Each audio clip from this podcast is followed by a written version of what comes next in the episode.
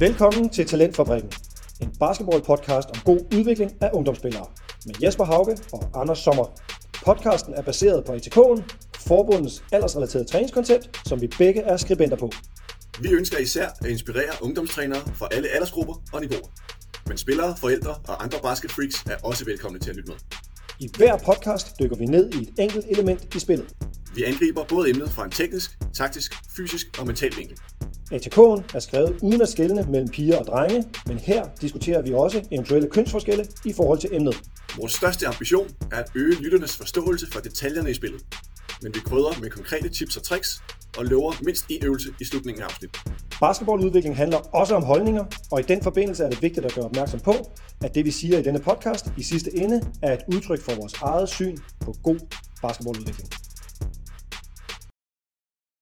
Velkommen til afsnit 3 af Talentfabrikken, og velkommen til dig, Anders Sommer.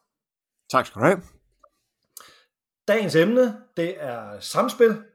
Et af de helt store og øh, meget komplekse øh, emner, og øh, vi har meget på hjerte, så vi skynder os at komme i gang. Og, øh, og jeg tænker, at jeg lige vil starte med en lille quote fra en af de allerstørste trænere gennem tiderne, nemlig John Wooden, som øh, engang sagde, A player who makes a team great is better than a great player. Hvad fortæller det quote dig, Anders Sommer? Jamen, det fortæller mig noget om, om øh, essensen af spillet, noget af det, jeg synes er allervigtigst ved, ved vores sport. Øh, evnen til at gøre hinanden bedre, evnen til at øh, skabe gode skud, gode situationer sammen som, øh, som hold, og, øh, og skabe flow i spillet. Det er sådan et fluffy begreb måske, men, men øh, det er tit noget, jeg, jeg kommer tilbage til, for ligesom at, at bryde det ned til et ord med, hvordan, hvornår flyder spillet? Hvornår har vi øh, alle involveret? Hvornår øh, har man virkelig fornemmelsen af, at vi opererer som en enhed, og ikke bare som, øh, som fem adskilte individer? Ja, det synes jeg, du er fuldstændig ret i. Og nogle gange kan det være i sådan nogle situationer også lidt interessant at vende det hele om, hvornår flyder det ikke, og det tror jeg, vi alle sammen som coaches, hvad enten det er som ungdomstræner eller seniortræner, øh, for drenge eller piger, jamen har oplevet situationer, og siger, okay, spillet det fungerer bare slet ikke. Øh, på trods af, at man har masser af dygtige spillere på banen, jamen så øh, fungerer det øh, overhovedet ikke. Og, og noget af det, vi gerne vil med, med det her afsnit i dag, det er jo at prøve at give nogle tips øh, til, hvordan kan vi hvordan kan vi opnå noget bedre og noget mere øh, samspil? Øh, hvad for nogle ting er vigtige for dig i den proces, Anders? Øhm, jamen som sagt er der mange ting, og jeg synes, det samspil er sådan et en paraplybegreb nærmest for en, en hel masse ting, og da, da vi husker, at vi skulle skrive øh, det taktiske afsnit her i TK'en, øh, var, det, øh, var der rigtig mange ting, som vi gerne ville have samlet i, i få begreber. Øh, vi endte egentlig med relationelle færdigheder øh, på den her, hvor øh, som ligesom beskriver det, at man, man er i stand til at gøre ting sammen. Øh, andre ord, som er relevante her, det er spilforståelse, basketball IQ, forståelse for spacing og timing og vinkler, så meget sådan noget read and react og, og tage gode beslutninger, og sådan noget som kreativitet, synes jeg egentlig også øh, kommer, kommer ind under den. Ja, og det du siger her, det dækker jo meget godt, altså det er virkelig et bredt øh, begreb, det her øh, samspil. Øh, nu nævnte du selv lige Read and React, og det kunne jeg jo godt tænke mig lige at bare lige spørge dig ind til, fordi der er måske nogen, som ikke er bekendt med, at det faktisk er et, et koncept. Kunne du, kunne du sige lidt mere om, hvad dækker øh, Read and React over? Øh, ja, men det er rigtigt, at det, det bliver jo brugt lidt i flæng øh, tit, hvor man sådan... Øh, Altså bruger det om at, at tage gode beslutninger og læse spillet, øh, og ikke have, sådan, have, have faste aftaler præcist, men, øh, men mere øh, tage gode beslutninger ud fra den situation, man er i. Øh, men det er så også blevet opbygget som et, et mere konkret spilkoncept af en amerikansk træner. Jeg tror måske, du faktisk er mere inde i det, end jeg, end jeg er. Øh, øh, Rick Thorbett. Det er Rick Thorbett. Er, er, er bagmanden, ikke? Mm-hmm. Kan du ikke sige lidt om, øh, om principperne jo. i det?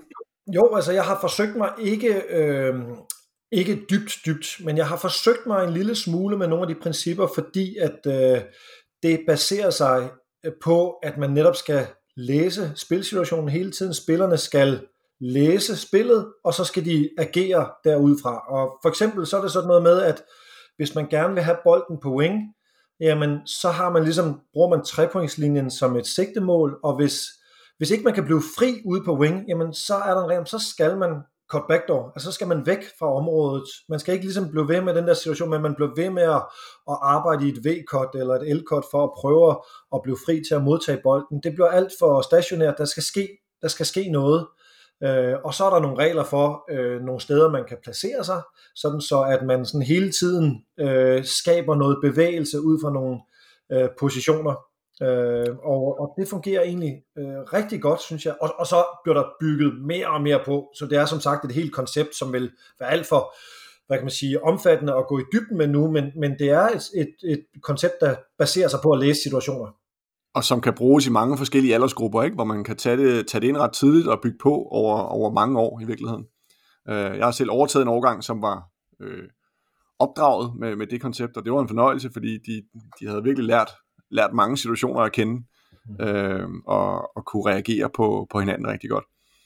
Og det, som jeg synes er, er relevant for mange ungdomstrænere, er det her med at kunne opbygge noget angrebsspil efter nogle principper, mere end faste løbemønstre, strukturer eller systemer. Øh, og det er, det er ikke den nemmeste balancegang, det der med at lade, lade spillet være frit, men alligevel have nogle, nogle retningslinjer, så, så der er en vis form for struktur og en måde, vi lære dem at, at, øh, at positionere sig til hinanden og, og have nogle aftaler, som, som øh, kan forholde sig til. Ja, lige præcis. Og hvis jeg lige må knytte bare en sidste kommentar til Read and Reacten der, så er det jo det, som gør det specielt også er, at der ligesom er konstrueret øvelser til hver enkelt situation, man kunne forestille sig. Så, så det er virkelig et udarbejdet koncept, hvor man ligesom får hele pakken, hvis man vælger at, at købe det øh, med, med, med konstrueret træning og konstruerede øvelser og sådan noget. Men, men man kan sagtens tage bidder af det, som jeg har gjort, og man kan lade sig inspirere af det og sådan noget. Det, det, er, det er rigtig fint. Men, men modpolen til det er jo netop det, du siger, det er, okay, man har nogle meget veldefinerede løbemønstre, det vi jo i basketball kalder systemer, øh, og, øh, og det tænker jeg i hvert fald, vi har nogle holdninger til, når man kommer ned i de, i hvert fald de yngre øh, ungdomsår. Hvad, hvad tænker du om, om systemer sådan tidligt, altså i de yngste, nu snakker vi måske jo 13, 11, 9 dernede af? Mm. Ja, men det har jeg en meget klar holdning til, og det har vi også kommunikeret i ATK'en, at, at det, øh, det ser jeg ikke som, en, som noget, man skal bruge øh, tid på overhovedet, øh, helt frem til U15 sådan set. Frem til, øh, til U13 er anbefalingerne, at øh, man ikke bruger tid på, på sets, som vi kalder det, eller, eller spilsystemer. Og, øh, og det er jo ikke fordi, at de ikke skal lære det på et tidspunkt.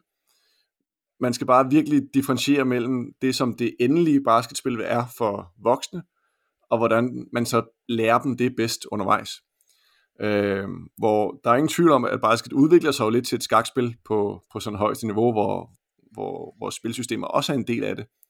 Men hvis vi ikke lærer dem at tage gode beslutninger og læse situationerne, så er det næsten ligegyldigt, hvilken situation vi sætter dem i, og så vil de ikke have redskaberne til at, at løse det. Øh, så hvis man ser det sådan lidt som et, et skakspil, de skal blive gode til, jamen så risikerer vi, at hvis vi kun lærer dem op i jamen så skaber vi så skaber vi bønder, altså som kun kan rykke sig i en retning, og ikke kan særlig mange ting. Mm. Hvor øh, det vi gerne vil i det tidlige år, det er virkelig at skabe dronninger, som mm. kan rigtig mange ting, kan bevæge sig på mange forskellige måder, og kan være en trussel øh, i mange, mange planer. Ikke?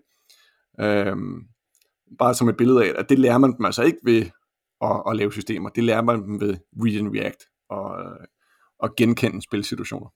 Ja, lige præcis. Jeg, jeg tænker, at det er et rigtig godt metafor. Et, et andet metafor, som også nogle gange bliver brugt, er sådan, at, at hvad kan man sige, spillerne bliver trænernes marionetdukker. Altså træneren står med og, og, og kalder det ene system efter det andet, øh, og, og i virkeligheden bliver det mere et spørgsmål om, om, om spillerne forstår, at de skal løbe fra A til B, end at de ligesom skal læse øh, spillet, og det kan man øh, opnå ret meget succes med i de tidlige ungdomsår, altså med ligesom at at lære øh, spillerne nogle helt specielle løbemønstre, fordi at modstanderholdene ofte ikke vil være forberedt på at dække en, måske to screeninger, eller øh, et eller andet specielt spil, øh, øh, spilsituation. Og, og, og problemet kommer så senere, når spiller, ungdomsspillerne bliver ældre, ikke? så er det jo netop der, men så har de måske brugt alt for meget tid på spilsystemer. Lige præcis, at, at det er jo der afvejningen ligger, at al den tid, der er investeret i at lære dem det der, som ikke ligger naturligt for børnehjernen, det der at relatere sig til mange på en gang, og, og huske alle de der ting, jamen det er tid, der er taget væk fra at lære dem skills, fra at lære dem fundamentals, Øh, de her helt basale ting, som vi tekniske færdigheder, som vi bør prioritere meget højere i, i de tidlige år. Og mm. selvfølgelig også nogle samspilsrelaterede ting her. Men, og det er jo så der, hvor udfordringen ligger lidt. Altså, hvad, hvad er det så, man gør? Hvordan lærer man dem så et godt angreb? Og der tror jeg, at der er mange ungdomstrænere, som ligesom mangler et alternativ at sige, jamen, hvad er det så, vi gør for at skabe noget struktur offensivt?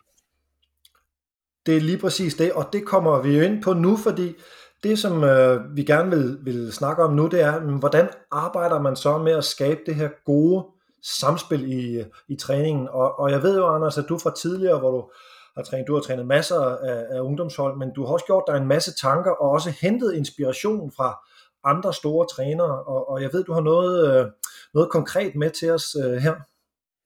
Ja, jamen øh, det koncept, som både... Øh der har taget inspiration i ATK'en, men, men som jeg også øh, har arbejdet med øh, konkret med, øh, med 03-årgangen, som jeg havde øh, i, i ulandshold, faktisk helt fra U14 til, til U18. Øh, byggede det op omkring et, et frit motion-angreb, øh, som var sådan det basale offensive, vi, øh, vi gjorde. Så vores fundament offensivt, når vi ikke lige vidste, hvad vi skulle, hvis der ikke lige var lavet et kald, fordi allerede som U16 var det alligevel også spillere på et niveau, hvor der kunne vi godt begynde at load dem øh, mere taktisk og have nogle, øh, nogle, flere, øh, nogle flere sets. Øh, men basen var det her frie koncept, som er taget fra inspiration fra, øh, fra Chus Mateo, som er assistant coach i Real Madrid, og øh, for nogle år tilbage var i, var i Danmark og holdt klinik til Copenhagen Invitational, hvor han præsenterede den her, øh, det her angreb. Øhm, og, øh, og igen, lidt som, som Read and React, kan det også bruges i forskellige sådan, øh, øh, grader øh, og, og aldersgrupperinger. Øh, nu tager jeg udgangspunkt i, hvordan konceptet ligesom var som U16, og så i ATK'en er det også nedskaleret lidt i de, øh, i de yngre årgange. Og, øh, og sådan nogle få grundregler, syv grundregler, for øh, hvordan vi spillede. Så de første to, det var omkring spacing, som du også nævnte før. Øhm, på det tidspunkt der spiller man selvfølgelig 5 mod 5, hvor det tidligere er 4 mod 4. Og her der havde vi øh, en spacing, der hed 4 mand ude og en inside. Reglen for outside-spillerne var, at i stedet for at man arbejdede med faste spots, øh, hvor spillerne skulle stå, så arbejdede vi med zoner. Så fire zoner bag trepunktslinjen, som ligesom var adskilt fra toppen til wing, en zone, fra wing til hjørnet, en anden zone, og selvfølgelig det samme i den, i den modsatte side. Så der var ligesom fire områder, man kunne arbejde i, hvor vi skulle have en spiller i, i hver outside zone. Øh, inside-spilleren skulle være i posten, eller short corner, så lidt længere ud af posten, var også en mulighed. Og der havde vi en balance, der hed, at øh, 25% af tiden skulle man være i strong side, altså den side, hvor bolden er i, og 75% af tiden skulle man være weak side. Og det var sådan en regel, der var skabt for at sikre, at der var plads til at angribe på. Øh, så, øh, så der største del af tiden var, var plads i feltet til, at man kunne øh, skabe nogle ting 1 mod 1, 2 mod 2. Til gengæld var reglen så, at når, når postspilleren var i strong side, så skulle vi bruge ham. Øh, så der skulle vi have bolden derind, hvis, hvis han havde gjort sig fri. Og så havde vi nogle principper for, hvordan vi bevægede os, når, når bolden gik i posten. Men det der med at lære dem at bevæge sig omkring en post, øh, er også rigtig afgørende. Også hvis man ikke nødvendigvis har en naturlig postspiller eller en stor, så, øh, så giver det mening at, at spille med en post i den aldersgruppe der, for at lære spillerne, hvordan spacingen er øh, på det tidspunkt. Og så må det gå lidt på skift om, hvem der ligesom øh, tager posten. Men det var de to spacing-regler.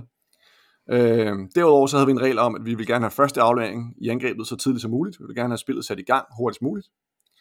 Så er der en regel om at lade bolden flyve, hvilket betyder, at vi vil gerne se mange afleveringer i træk, og dermed også, at vi vil gerne undgå unødvendige driblinger. Så driblinger på stedet, det er jo et no-go. Så havde vi en regel om, at der skulle være to afleveringer mellem drives. Så hvis man driver og laver en aflevering ud, så må man ikke drive med det samme igen, for der har kun været en aflevering imellem. Så der skal ligesom være en aflevering ud, så skal der være mindst en aflevering mere, før man må drive igen. For at sikre, at der er, der er plads i feltet, når man, når man driver. Så havde vi en regel om, når så man har drivet og havde skilt sig af med bolden, hvor skal man så løbe hen? Så skulle man altid løbe et hjørne. Man valgte selv hvilket hjørne, øh, man løb ud i, men der skulle man ligesom ud bag træerne igen. Og det gav jo så nogle, nogle krav til de andre om, at så skulle man rykke sig i sine zoner, for at man stadig overholdt reglen om, om spacing med en mand i hver zone. Og sidst så en regel om, at når der, når der var et baseline drive, så skulle vi altid have en øh, helt nede i hjørnet i weak side, så man vidste, at det var en aflængsmulighed. Så det her med, at man kunne bevæge sig i sine zoner, alt efter hvor vi var, og finde vinduerne, men på et baseline drive var man altid i hjørnet. Øh, det var sådan i, i helt øh, korte træk de øh, principper, vi byggede øh, det frie angreb op om. Og vi kaldte det frit, og kaldet var bare altså sådan motion, eller hvis der ikke var kaldt noget, så vidste vi, at vi spillede frit. Ja, det lyder, det lyder rigtig fint, og, og synes jeg også nogle regler formuleret på en måde, så det ikke er for vanskeligt. Altså det er jo det her hele tiden med, når man skal sætte nogle retningslinjer for noget så komplekst som, som samspil, så er det utrolig vigtigt, at man holder det meget simpelt.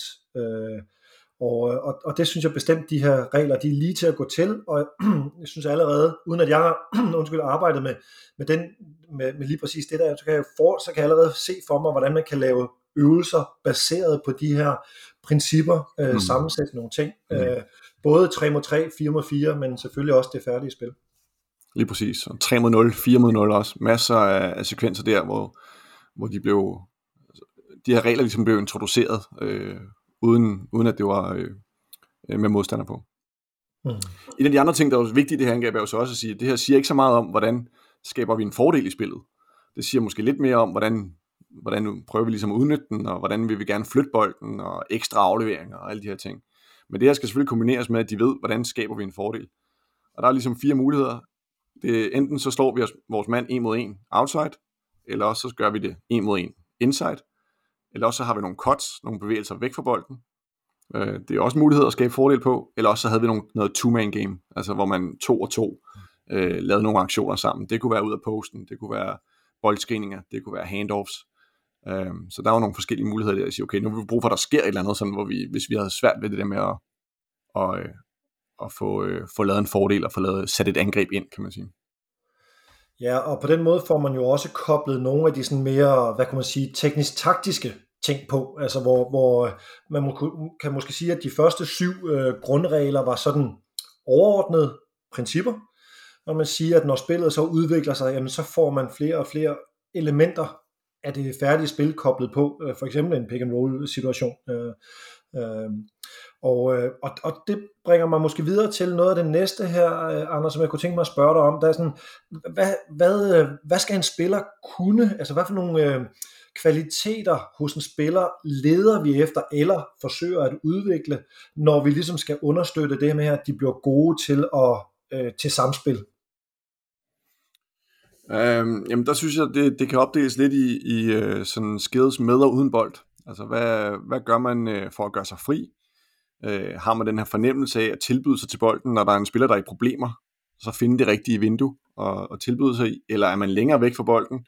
Jamen så er det bedste måske i virkeligheden at holde sig lidt væk, så der ikke bliver øh, for crowded omkring, og der er en anden, der er ved at, at gøre sig fri. Så den her forståelse for spacing er virkelig en, en altafgørende ting, som, som rigtig mange ungdomsspillere har svært ved og som også er en udfordring, som, som bunder lidt i, at, at de unge spillere tit har svært ved at skyde så langt udefra, så de føler ikke rigtigt, at man er en trussel bag træerne. Så det kan godt være, at man, man har den optimale spacing der, men de har egentlig lidt svært ved virkelig at, at føle sig farlige, og derfor bliver det tit, at, at uh, spacingen kommer sådan inden for træerne, eller kommer i midrange. Uh, selv rimelig højt op i, i aldersgrupperingerne, og det er virkelig noget, man skal være opmærksom på som træner, at man, uh, man får skabt den rigtige spacing, og og selvfølgelig også lære dem at skyde, så det, det bliver en trussel, og der vil vi også gerne se noget forsvar, som ikke holder afstand og ligesom udnytter den her falske fordel i ungdomsbasket, med at spillerne måske ikke skyder så godt, så man, man har nogle mere realistiske close-out situationer og en mod en muligheder. Mm. Og, og jeg tænkte også på, du nævnte også selv det her med at lade bolden flyve, øh, altså en af principperne, så, så der er også sådan en teknisk detalje som afleveringer, øh, at kunne aflevere med den yderste hånd, øh, det, det er min opfattelse, nu må du korrekte mig, hvis det er sådan, at, det, at jeg tager fejl, ikke? Men, men den der gamle tohånds brystaflevering, den, jeg ved ikke, om den er udgået endnu, men, men den, øh, den bliver virkelig ikke brugt særlig meget, når jeg synes, jeg kigger øh, på international basketball. Altså vi snakker enhånds push, vi snakker over hovedet, øh, snap, hurtige snap afleveringer, øh, og i det hele taget afleveringer fra driblinger med en hånd, altså noget af det, som man fik tæv for at gøre i, mm-hmm. i gamle dage, øh, der har spillet jo udviklet sig på en måde sådan, så tempoet er så højt nu, at man er faktisk nødt til at mestre de her afleveringsformer. Hvad, hvad, hvad tænker du om det? Helt enig. Øh, det eneste sted, hvor man ser de der tohåndsafleveringer sådan rigtig meget, det er næsten i åben bane, hvor man virkelig skal have den øh, langt fremad hurtigt, synes jeg. Øh, og alligevel et godt sted at starte med afleveringsteknikken, men for mig at se, når vi snakker de tekniske fundamentals, så er afleveringerne det, der oftest bliver nedprioriteret mest. øh, som, som vi som træner glemmer at bruge tid på, fordi vi har så travlt med at lære dem at drible og skyde, eller andet, hvor, hvor lige præcis det her med afleveringsteknik, er bare det, som den skede, der binder spillet sammen. Så hvis vi skal kunne forlange, at de spiller sammen, jamen så skal vi også lære dem, hvordan man gør det, og der er aflængerne bare det, det vigtigste værktøj. Hvis dine afleveringer ligger skævt, jamen så er den der fordel, der er blevet skabt, så er den lynhurtigt væk. Øh, fordi man bliver forsinket i at skulle, skulle få styr på bolden. Øh, så, så afleveringer, der virkelig sidder skarpt, og netop kunne gøre det på mange måder, kunne gøre det på hænder, med, med begge hænder, absolut noget, man, man bør dykke ned i, i sin tekniske træning. En anden ting, jeg bed øh, mærke i, og som jeg godt kunne tænke mig at, at spørge lidt mere ind til, øh, det er det her med øh, at bevæge sig uden bold. Øh, jeg er selv træner for et øh, U15-drengerhold nu, og øh, der er nogle rigtig dygtige spillere. Øh, de er meget glade for at have bolden, og meget lidt glade for at slippe bolden. Øhm, og det er jo der jo, der er jo flere årsager til, at de ikke er det, kan man sige. De, de kan måske opnå noget succes selv ved at tage bolden hele vejen til kurven, eller skyde og afslutte selv, og de har en fornemmelse af, at hvis de spiller, det andre, øh, spiller de andre, jamen så dels er det ude af deres hænder, om der bliver succes, dels så føler, har de en fornemmelse af, at det tit mislykkes. Øhm, så det er jo sådan en, det er jo en tovejs, en tovejs problemstilling, kan man sige. Dels skal man jo have spillerne med bolden, dem der ofte har bolden, til at være gode til at se efter de andre, men de andre skal jo også gøre sig fri, altså bringe sig i nogle situationer, på nogle positioner, hvor det kan give en, en, en fordel. Hvad, hvad, øh, hvad tænker du her, øh, Anders?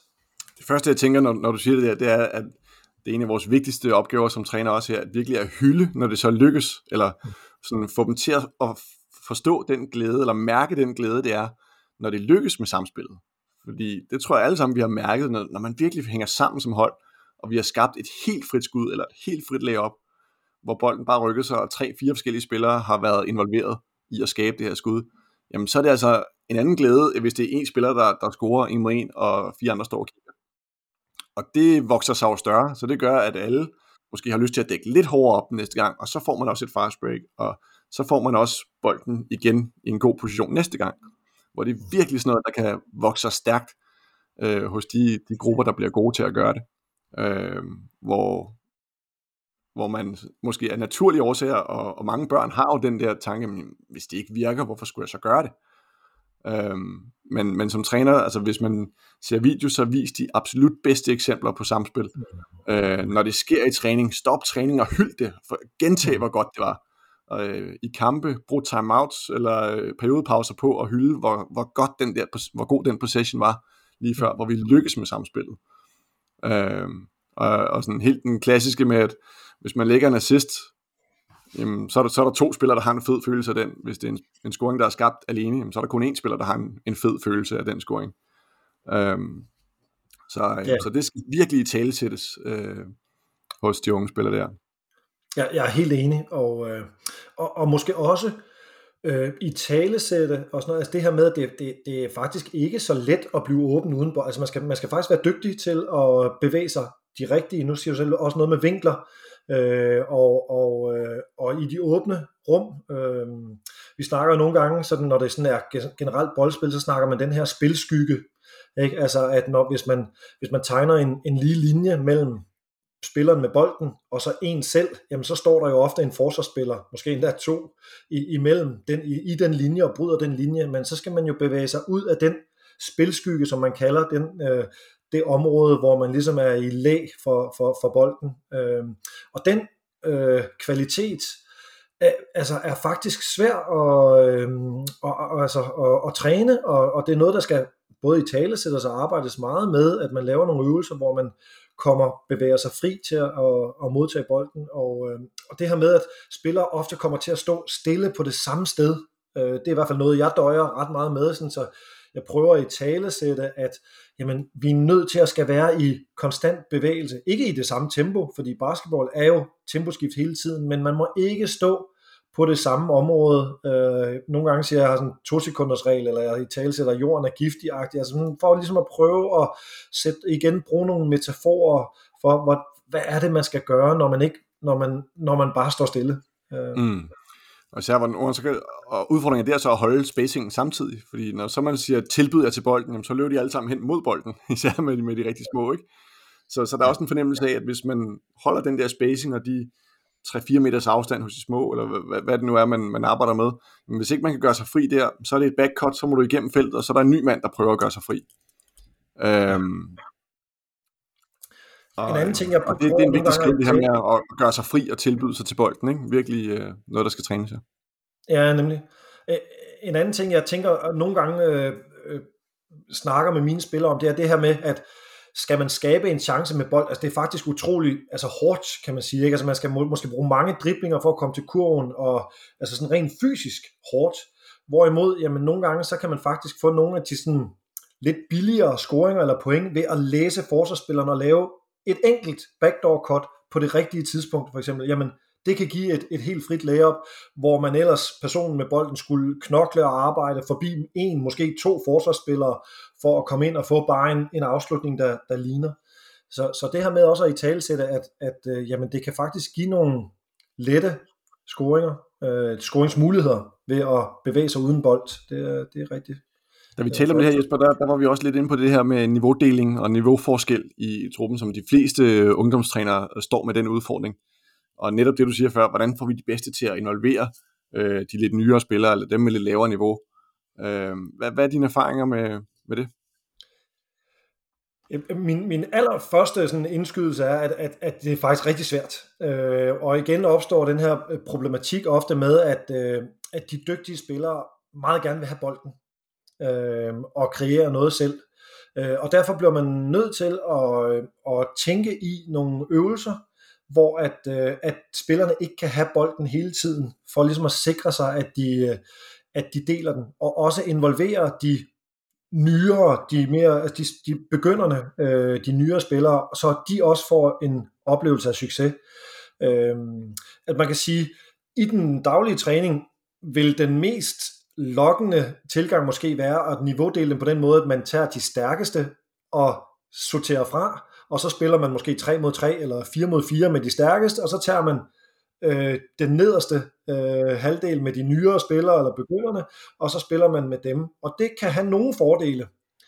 Men jeg tror bare, man er nødt til at tænke i også og mixe det, sådan som man laver, øh, altså man tager nogen fra den øverste gruppe, mixer dem med den gruppen nedenunder og sådan noget i, i øvelser for at, at simpelthen understøtte, at man får, får lære hinanden at kende som spillere dels, men også at de gode spillere, de får at vide, at de skal give bolden til øh, de nye og mindre gode spillere. Øh, men det er, ikke, det er ikke let.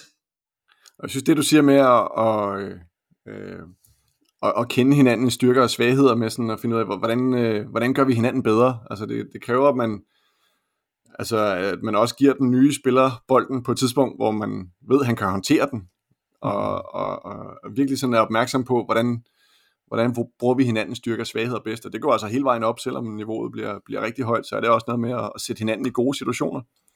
Øhm, så virkelig at, at give de bedste spillere det som opgave at sige, din opgave er få ham til at lykkes nu. Altså så mm. virkelig sådan at prøve at se, om de, nogle af dem kan motivere sig det. Helt sikkert. Øh, og, og, og jeg synes, du sagde en vigtig ting, og det, det, nogle gange så er det jo vigtigt at gentage nogle af de gode pointer, men det der med at det der med, at de gode spillere lærer at fejre, når de har skabt en god situation for den nye spiller, som så scorer eller ikke scorer, det er sådan set ikke det, der er så vigtigt. Det, der er vigtigt, det er, at, at man, man får givet bolden til den mindre gode spiller i en situation, hvor der opstår en god, øh, en god mulighed. Øh, så, men det er en masse teamprocesser også, der man, og jeg tror virkelig på også, at det skal i tale sættes meget, øh, og, og det er noget, som jeg, som jeg selv, altså jeg vil sige, jeg bruger meget energi på at, øh, at arbejde med den der del på, også at være med til at mindske øh, uligheden i niveau, øh, fordi vi ved jo, at det udligner sig, øh, også når de bliver lidt, lidt ældre. Selvfølgelig er der altid nogen, der, der stikker ud, og det skal der være, men, men, øh, men man er jo nødt til at få løftet det generelle niveau, øh, i sådan en trup, og, og, og, og det her med, at man, man, man, man kører fast i nogle ting, hvor at nogle spillere har bolden hele tiden, det er jo ikke gavnligt for noget som helst. Og det er for alle aspekter. Det er jo den, den allerstørste vision for dansk basket lige nu, at vi bliver flere. Vi får flere medlemmer. Så derfor skal vi, skal vi virkelig kunne rumme dem, der kommer ind ad døren, også højt op i alderen. Øh, men det er også fra et sådan, hvad skal man sige, spilambitiøst øh, talentudviklingsperspektiv, at, at vi altså, højner niveauet for hele gruppen, så vi lærer spillerne på alle niveauer og alle steder i gruppen at, at bruge hinanden, fordi samspil er, er en skill, man skal kunne på højeste niveau. Ikke? Mm, lige præcis. Anders, jeg ved, du øh, også arbejder med nogle do's and don'ts øh, her. Øh, øh, kunne du ikke øh, føre os lidt igennem nogle af de her øh, sådan gode råd øh, til, til træningen? Jo, og, og øh, vi er lidt tilbage i ATK'en, øh, så der er en, øh, en tabel der, som, som egentlig opsummerer det, men det er bare at give nogle helt øh, skarpe anbefalinger til, hvilke ting man øh, involverer i spillet, hvornår. Øh, hvor, som sagt, det er de her principper, som vi gerne vil have, at man bruger mest tid på, rent taktisk, og så er der nogle, t- nogle ting, som ikke skal fylde så meget, og nu tager jeg bare det der op til, til og med U13, hvor man siger, øh, specifikke positioner, det er ikke noget, øh, vi, vi bør arbejde med som sådan. Der er i hvert fald ikke nogen, der skal plantes inside. Øh, der er det vigtigt, at alle arbejder outside. Øh, I den aldersgruppe, der er spilkonceptet med fire mand ude, eller med fem mand ude, så der er masser af plads i feltet at angribe på. Øhm, så, så ingen postspiller, ingen screeninger. Og, øh, og det er vigtigt, at man venter med at introducere det, synes jeg, fordi der er så mange andre ting af de her øh, relationelle færdigheder, vi, vi har omtalt, som tiden skal bruges på. Øh, og screeningerne skal nok komme, men det kommer altså først som, som U15. Øh, set plays har vi omtalt allerede. Drop det hele vejen op til, til U15. Og der, hvor det så giver mening at gøre det, synes jeg netop er for, øh, når så man skal begynde at arbejde med screeninger, jamen, så er det godt hjælpe at have noget lidt mindre frit angreb, hvor man får nogle specifikke situationer øh, sat op, hvor man virkelig får arbejdet på, om der er kontakt på den screening, og kvaliteten i det bliver, bliver udført rigtigt. Men indtil da, spille uden screeninger, spille uden sets.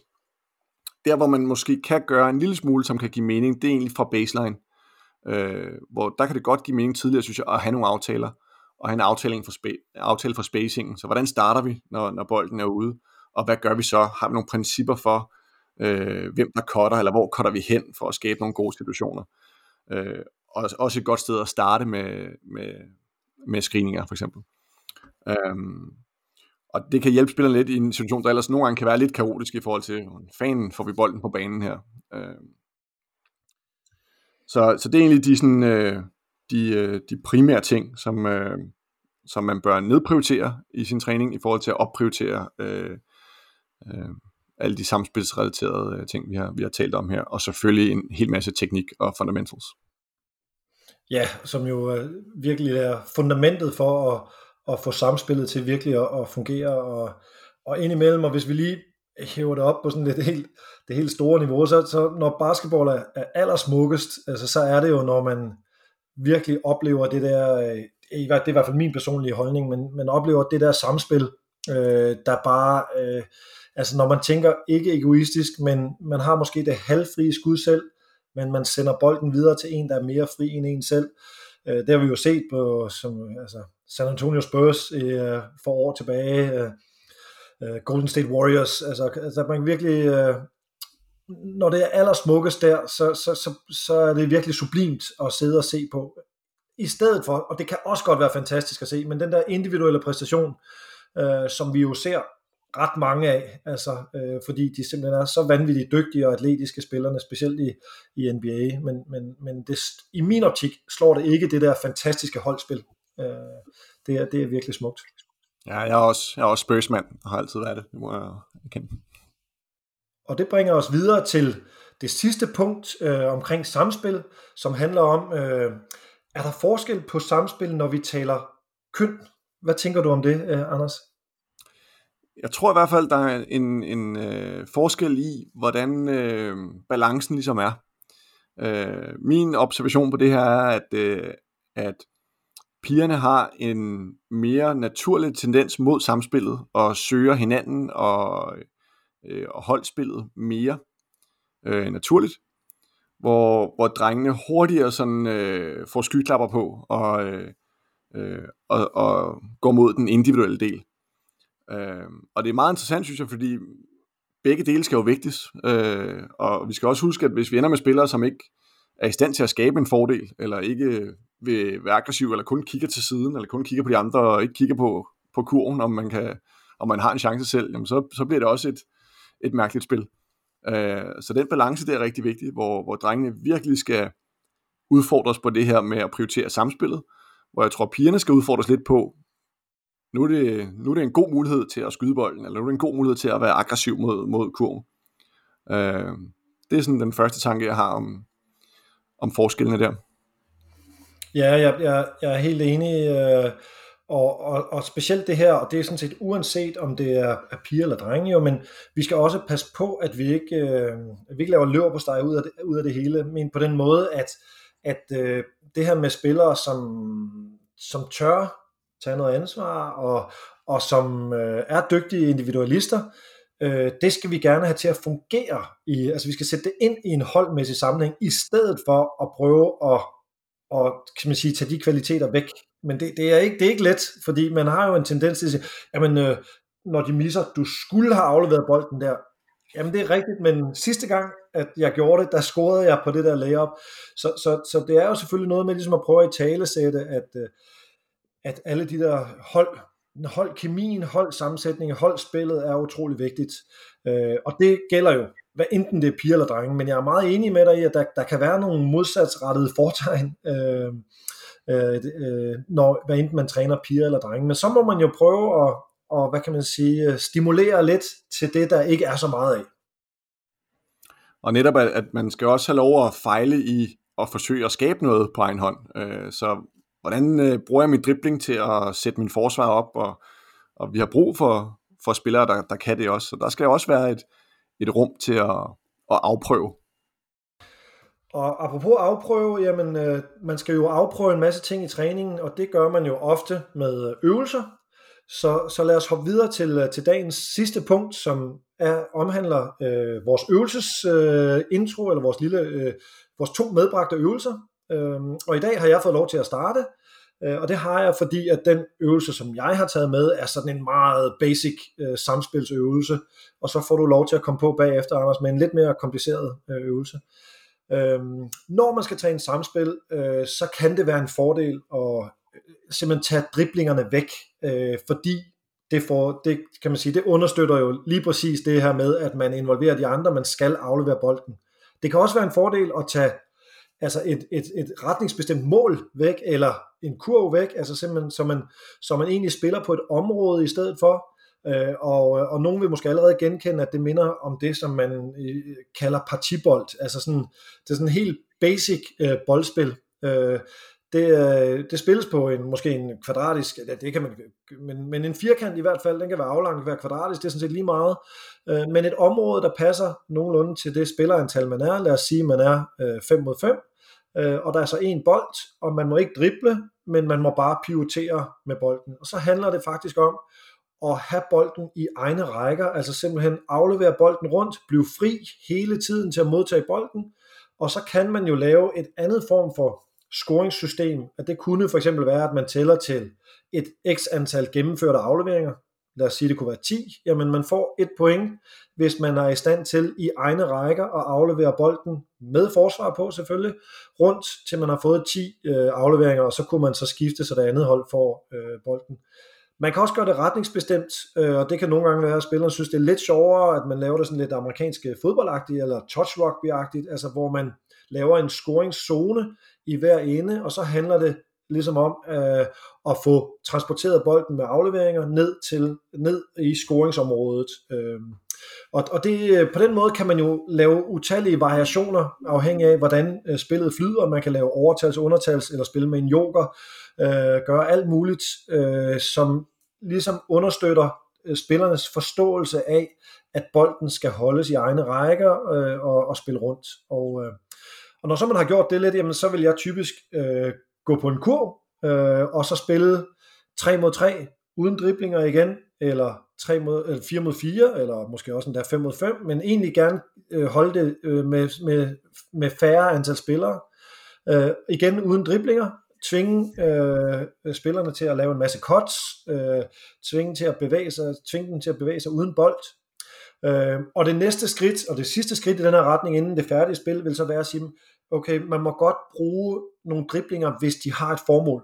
Lidt eller det, som du nævnte tidligere i, øh, i, i med de syv principper, der siger, okay, hvis man dribler, så skal de have et formål. Det skal være, måske være bestemt mod kurven, eller at man virkelig skal transportere bolden fra A til B. Øh, for at skabe en vinkel, for eksempel. Ja, lige præcis. En vinkel, eller god spacing, eller et eller andet.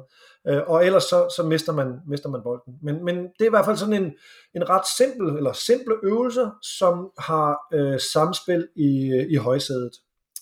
Hvad har du med af øvelse, Anders? Jamen først vil jeg lige sige, at jeg har altid været stor fan af, af partibold, så selvom øh, øh, du siger, det er sådan old school eller, eller basic, så synes jeg, det er noget af det allervigtigste, og, og, øh, og det kan gøres på mange fede måder, synes jeg. Øh, jeg har altid godt kunne lide at gøre det 2 mod 2, 3 mod 3 på en badmintonbane. Den, den størrelse, synes jeg, har fungeret godt. Øh, og, og min øvelse er sådan set også en, en videreudvikling af, af partibold. Øh, det er en, som jeg så øh, Messina øh, lave på en klinik engang, som, som er nuværende træner øh, i Milano. Tidligere har været i Spurs og, og CSKA. Øh, og, og den går ud på, at man, man spiller det 5 mod 5 i halv bane, men med et 24 sekunders øh, skudur. Man må, igen, man må ikke drible. Man får et point for en aflevering, men vi spiller sådan det rigtige spil, kan man sige, så man, får, man går efter at score, man får 5 point for at score. Øh, hvis man mister bolden, hvis man laver en turnover, så mister man alle sine point. Så 1, 2, 3 afleveringer, så har man 3 point, så scorer man måske, så har man 8 point, så får man bolden igen, kan fortsætte derfra, og så handler det om at nå til, til 25 point. Øh, skulle man misse sit skud, det man spiller sig frem til, så får det andet hold bolden, og så kører de på fra 0. Får man så bolden igen, jamen, så er man det samme sted, som man var, da man missede sit skud. Så man mister ikke sine point ved at misse skuddet, så er man stadig på 7.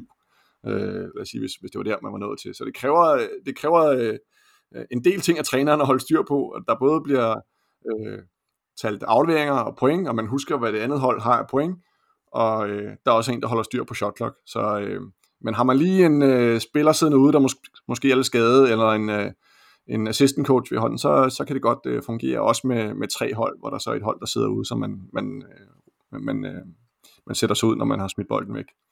Øhm, det fungerer rigtig godt til også at håndtere boldpres, fordi naturligt så vil forsvaret begynde at blive rigtig aggressiv, og så bliver det endnu mere udfordrende at skulle flytte bolden.